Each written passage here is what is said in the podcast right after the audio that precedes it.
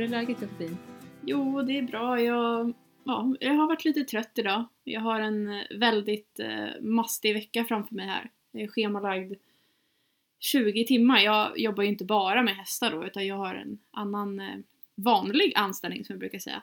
Ja. Och den här veckan så är jag schemalagd typ 20 timmar istället för 6 timmar som jag brukar vara i vanliga fall. Okej, ja, Eh. det är lite skillnad ju. Ja, jag ska ju jobba runt 20 timmar per vecka men vanligtvis brukar jag kunna disponera det mesta tiden hemifrån eller så, planera och sådär. Ja. Men den här veckan är det tidseffektivitet som gäller. Ja. Det är liksom temat på det här med hästarna. ja. Planeringen är viktig här alltså. ja, verkligen. Ja. Men hur är det med dig då? Det är bra. Det är väl rätt full fart kan man väl säga, så att jag har bland annat markarbetat hästarna. Dels för att det är kul, men också för att det är skonsamt för Herman främst. Och sen då för att kunna spara tid och sådär nu när man har lite mindre tid. Och jag markarbetar också i första hand den här veckan för att just spara tid. Ja. Och det passar ju jättebra för vi eh, har ju fått ett önskemål här om att eh, ge tips på vad man kan göra för slags träning med hästen som är tidseffektiv, både uppsuttet och avsuttet då. Ja. Så att vi tänkte prata lite om det och referera till hur, hur vi har det just nu också. Eh, Och jag hade som sagt inte jättemycket tid idag för vi skulle ses och podda. Så då fick jag vara ganska effektiv i min träning och eh, den här dagen hade jag inte heller någon av mina medryttare som kom och hjälpte mig så jag var helt själv med hästarna. Och då brukar jag faktiskt fokusera mycket på just dressyr eller eh, någon form av markarbete. Alltså jobba hästen från marken, om vi säger så. Och Jag började med att longera en av mina hästar. Eh, och eh, då använde jag bara typ antingen repgrimma eller en vanlig grimma. I det här fallet hade jag faktiskt en vanlig grimma. Vilket jag ångrade lite grann för att han var väldigt pigg idag. Okej. Ja. Och jag tycker att det är... Eh, vid longering så är det svårt att reglera hästen på ett bra sätt om den är väldigt framåt, och som min häst var idag. Ja. För han struntade fullständigt i mina röstkommandon. Han eh, ville skippa uppvärmning och allting och bara köra galoppbommar på en gång liksom. Men eh, generellt så tycker jag att longering är ett väldigt bra sätt att träna hästen på och motionera den på också. Eh, för du ser hur den rör sig utan något som stör den. Jag använder inte inspänningstyglar till exempel. Eh, jag vill gärna se hur hästen rör sig naturligt. Och om den har en svagare sida och kanske ställer sig mer utåt det ena varvet så vill jag ha koll på det. För då vet jag vad jag behöver jobba med. Mm. Och sen så försöker jag eh, få hästen att få en naturlig böjning och ställning inåt. Så att den rör sig på ett fint och trevligt sätt. Mm. Men eh, idag så körde vi en övning med fyra stycken bommar. Eh, jag har ju en rundkorall då som jag jobbar med så det blir väldigt naturligt för mig att använda Ja. böjt spår alltid när jag tränar, eh, både uppsuttet och avsuttet. Så eh, jag hade lagt ut fyra bommar med jämnt mellanrum emellan. Ungefär två, tre galoppsprång tror jag det var Mm. mellan varje. Och så ja, är de placerade ungefär som ett kors. Alltså de, de är parallellt med varandra på, nu är det här en cirkel då, då så att det blir ju inte kort och långsida men om ni föreställer er en ridbana så på mittvolten där eh, en bom på ena långsidan, en på kortsidan och så likadant på andra långsidan och på andra kortsidan. Så det är fyra bommar som hästen longeras över. Eh, och jag körde först i trav, även om min häst ville köra i galopp först. Mm. Eh, men sen så, så småningom så saktade han ner och han kunde trava över bommarna i ganska friskt tempo. Eh, och så småningom fick han även galoppera över dem.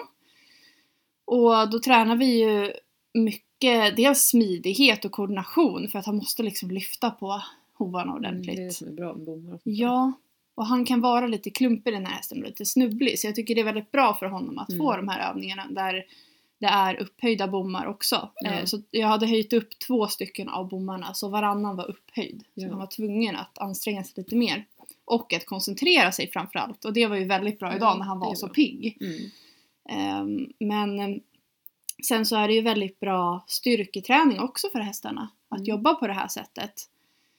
Eh, Och man kan se då höger respektive vänster varv om det var något varv som gick enklare för hästen och så. Mm. Eh, om han, jag tyckte att han hade lite lättare för att gå en mer samlad galopp eh, i ena varvet. Och det noterade jag liksom. Det var inte någon jättestor skillnad men det var ändå någonting som jag såg. Och genom att titta på hästen avsuttet när du står där på marken så kan du verkligen se de här små grejerna. Och det är väldigt bra tycker jag. För Mm. att det är inte alltid man Mm. kan känna de här riktigt små detaljerna när man sitter Nej. på hästen. Och jag använder mig även av tömkörning för att kunna se svagheter och styrkor hos hästarna. Eh, Och jag kände faktiskt när jag började träna den här hästen idag att åh, jag skulle ha tömkört istället för att jag tycker att det är lättare att ehm, kontrollera hästen eller reglera hästen när jag tömkör. Mm. Då, jag använder mig ofta av dubbellongering. Eh, där jag brukar stå i mitten och sen så har jag två tömmar som jag kan reglera hästen med ungefär som när jag rider. Mm. Och är hästen väldigt pigg och framåt så är det lättare att göra förhållningar och få hästen att arbeta på ett bra sätt.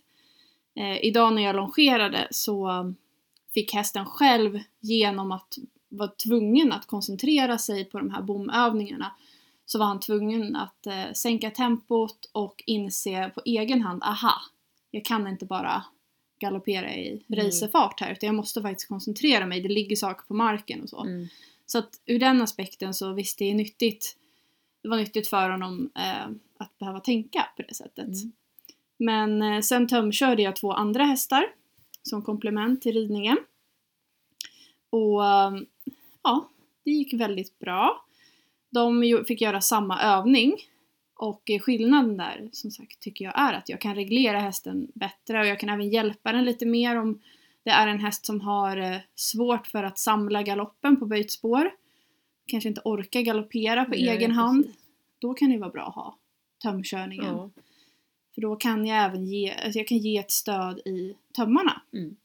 Och på så sätt, eh, ja, i mitt huvud så tänker jag att jag liksom håller om med skänklarna och hjälper hästen Ja. att galoppera. Men eh, vid longering så behöver hästen på egen hand hitta sin bärighet. Mm. Och i en fri form. Om man nu inte använder inspänningstyglar såklart.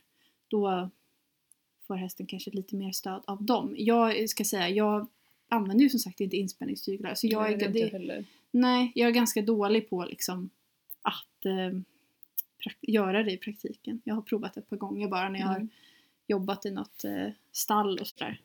En annan bra grej som jag brukar träna på när jag tömkör det är att jag tömkör bakom hästen och sen så tränar jag på sidvärtsrörelser. Eh, och jag tycker det är perfekt att eh, träna det just vid tömkörning om man har en häst som är helt grön och inte riktigt har koll på det här med att flytta sig för skänken eller så. Och då brukar jag använda mig av eh, vägg eller staket på ridbana. I det här fallet så är det ju en vägg på min rundkorall. Och då ställer jag hästen utåt lite grann. Samtidigt som jag lägger på tömmarna på bakdelen på utsidan för att be hästen att flytta sig för tömmarna då i det här Mm. fallet. Och då flyttar den sig lite inåt framåt samtidigt. Det blir ett väldigt naturligt sätt för hästen att lära sig att flytta för skänken. För eh, eftersom väggen är i vägen så kan det ju liksom inte gå rakt fram in i väggen utan den Mm. behöver tänka ett steg längre. Hur ska jag kunna röra mig framåt men inte gå in i väggen? Och då blir det åt sidan istället. Och då kan man ju se även där om den har lättare för att flytta sig åt ena hållet eller åt andra hållet. Och på så sätt upptäcka om den har någon svaghet eller någon, någon av sidorna den behöver träna mer på. Och om man tämkör hästen så kan man även träna tempoväxlingar. Göra halter och få hästen att antingen skritta, trava, galoppera Mm. då. Och har man en seg häst, om vi kallar dem så, Mm. slow starter, Ja. så kan det vara bra inte, när du gör en halt, att du kanske bara någon sekund låter hästen stå stilla och sen så ger, du- ber du hästen om att skritta eller trava igen. Eh, och har en häst som är väldigt pigg, då kan det ju utmaningen vara där att få hästen att stå still istället ja, då. verkligen. Och liksom tänka på att ja, men, försöka hålla den kvar där ett Mm. par sekunder i alla fall minst. Kanske fem sekunder och sen den får gå. Ja. Det är ju en jättebra grej att tänka på. Mm. Jag har ju många hästar och de är ju väldigt olika allihopa. Och den ena hästen jag tömkörde idag, han är just som du säger, han vill inte stå stilla. Nej. Han är helt hopplös med det. Så att honom behöver jag lägga mycket tid på liksom att stanna, vänta Mm. på min signal, inte gå så fort jag lättar i handen. För jag, Ja. jag försöker lära honom att vi gör en halt och då gör jag en förhållning. Men sen så lättar jag lite i handen och blir mjuk och då betyder inte det gå framåt utan han ska Nej. ändå vänta på mitt kommando för att röra på sig igen. Mm. Medan jag har mitt fullblod som är väldigt mycket slow starter. Mm. Och han tycker det är rätt så här tråkigt. Han vill helst vara ute i naturen och Ja. dressyra. Det är som min shettis där. då. Ja, och de behöver man ju vara, alltså få igång mera. ja. Så honom jobbar jag mycket övergångar, trav, galopp, eh, från galopp till trav, Ja. upp igen i galopp och sådär. Så att Mm. han får använda energin mycket och får den här rörelsen framåt. Mm. För skrittar jag honom kan det nästan bli som att han liksom bara segar tröttnar han bara. Ja. Ja, Då somnar de där på. Ja men och så får man, förlorar man den här framåtbjudningen och så Mm. måste man liksom jobba upp den igen. Mm. Det är ju lättare med en häst som har mycket energi på det sättet för att den behöver du liksom bara, alltså börjar den använda energin på rätt sätt så kan du få en väldigt trevlig häst att jobba med. Ja. Men en slow starter eller en, en seg häst som eh, behöver mera motivation morot liksom, då, då tar det lite mer av eh, linföraren eller den som är på marken.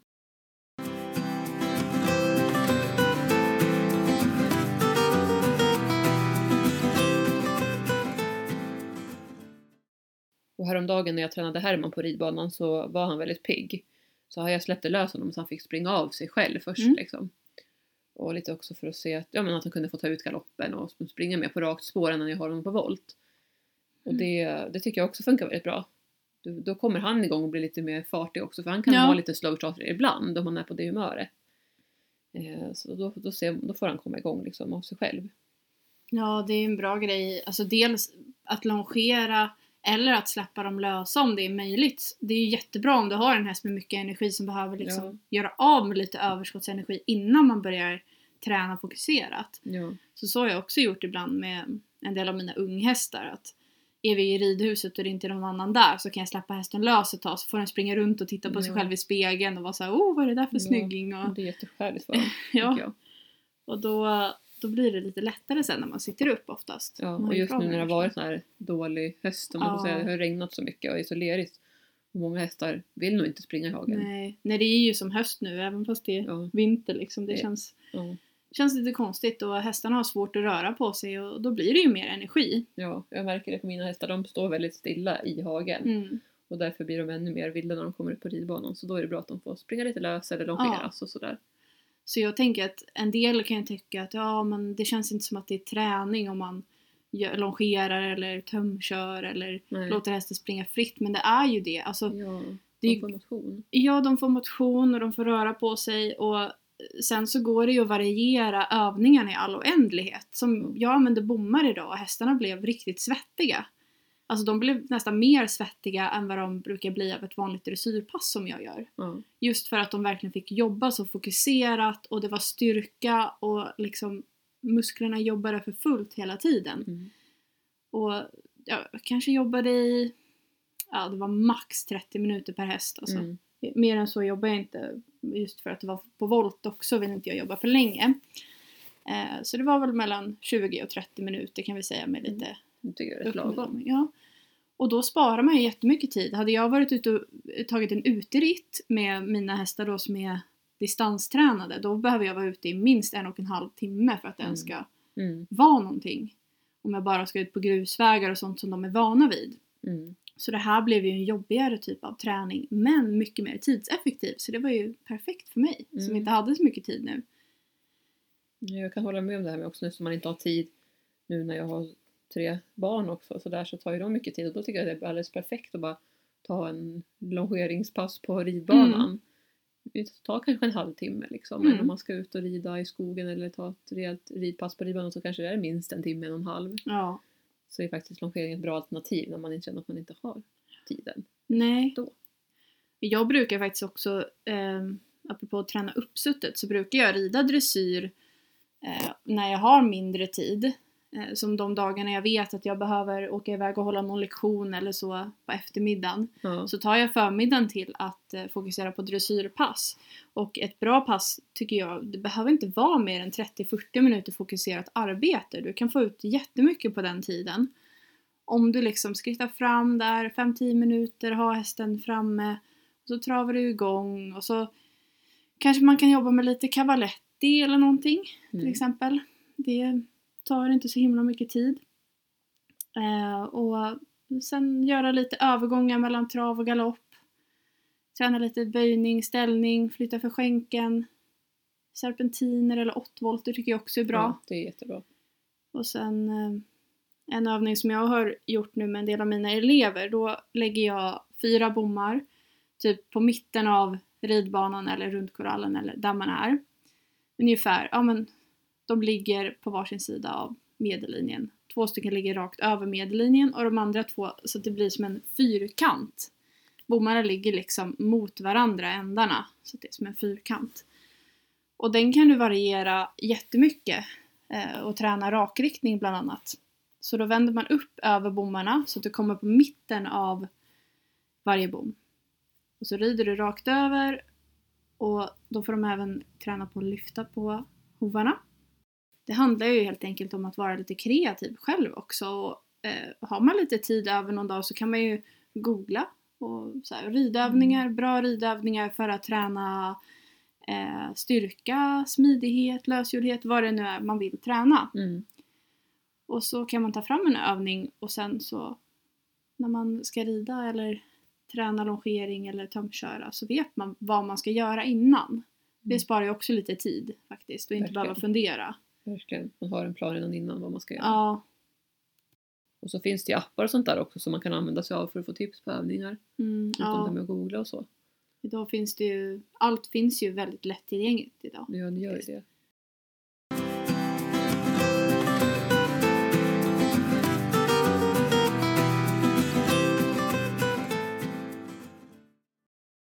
Och är det så att du vill vara ute med din häst och kanske inte rida på en ridbana eller ridhus så kan du ju träna hästen utomhus i naturen. Mm.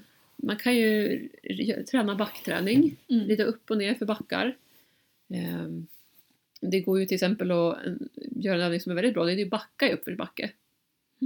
Ja, det är väldigt Oj. ansträngande för hästen. Ja, det är rätt svårt faktiskt har jag märkt. Mina hästar tycker Ja. det är väldigt svårt att göra det.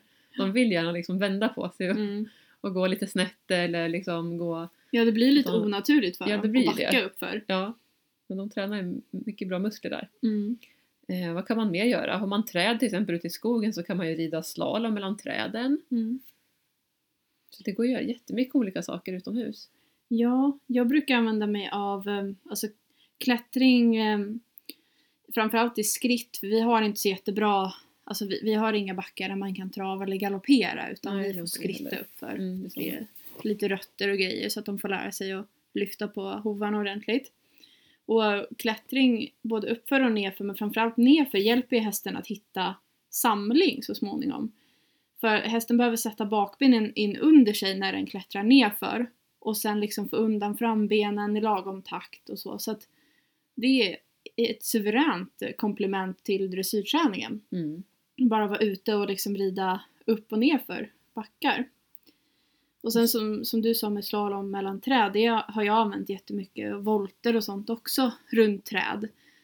Och ja, framförallt som jag har sagt tidigare, jag, jag har väl ganska pigga hästar ibland. Eh, och mina, speciellt de unga hästarna har jag använt mycket skog, skogsridning med. Där de har liksom den här energin som de vill bara framåt och framåt men om man då snurrar runt träd hela tiden så vet de aldrig vart de ska. Nej. Och till slut så inser de att ah, men jag måste koncentrera mig på det här. Vi ska ju bara till nästa träd. Det blir väldigt naturlig träning för dem också.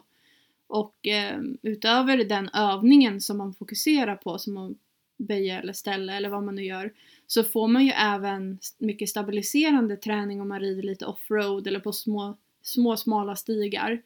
Där du, hästen verkligen får parera och eh, träna upp sin koordination så att den inte snubblar eller så. Mm. Och just att rida här vid stock och sten. Vi har ju en del ställen där det kan vara lite stenigt och sådär och mycket rötter och så. Och det är bra för då får de verkligen lyfta på hovarna. Mm. Och är, det- har man en häst som är snubblig av sig så, så är det ju bra att rida i den typen av terräng. För Mm. då får du träna. Precis som du här. Verkligen.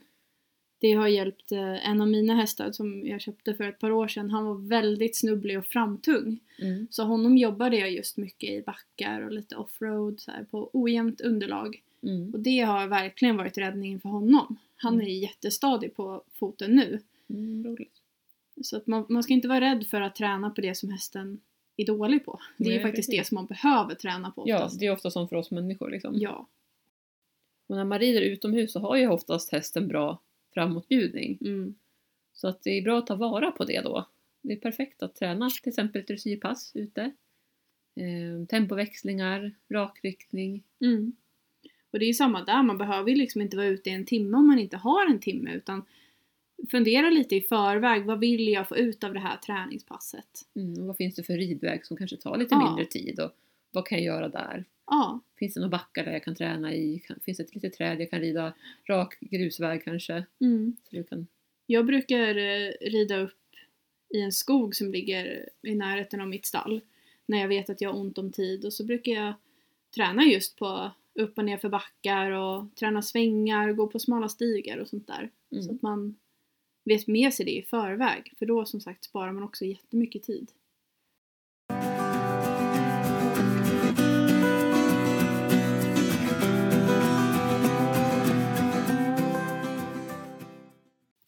Och jag som distansryttare, jag rider ju såklart ut jättemycket på mina hästar. Och då är det som jag nämnde ungefär en och en halv timme minimum när jag väl är ute. Men så länge behöver man kanske inte vara ute om man inte är ute och tränar för distansritt. Då kan man ju faktiskt rida ut en kortare sväng. Det går Mm. jättebra att rida ut i 40 eller 45 minuter om man känner för det. Om man inte har så mycket tid kanske.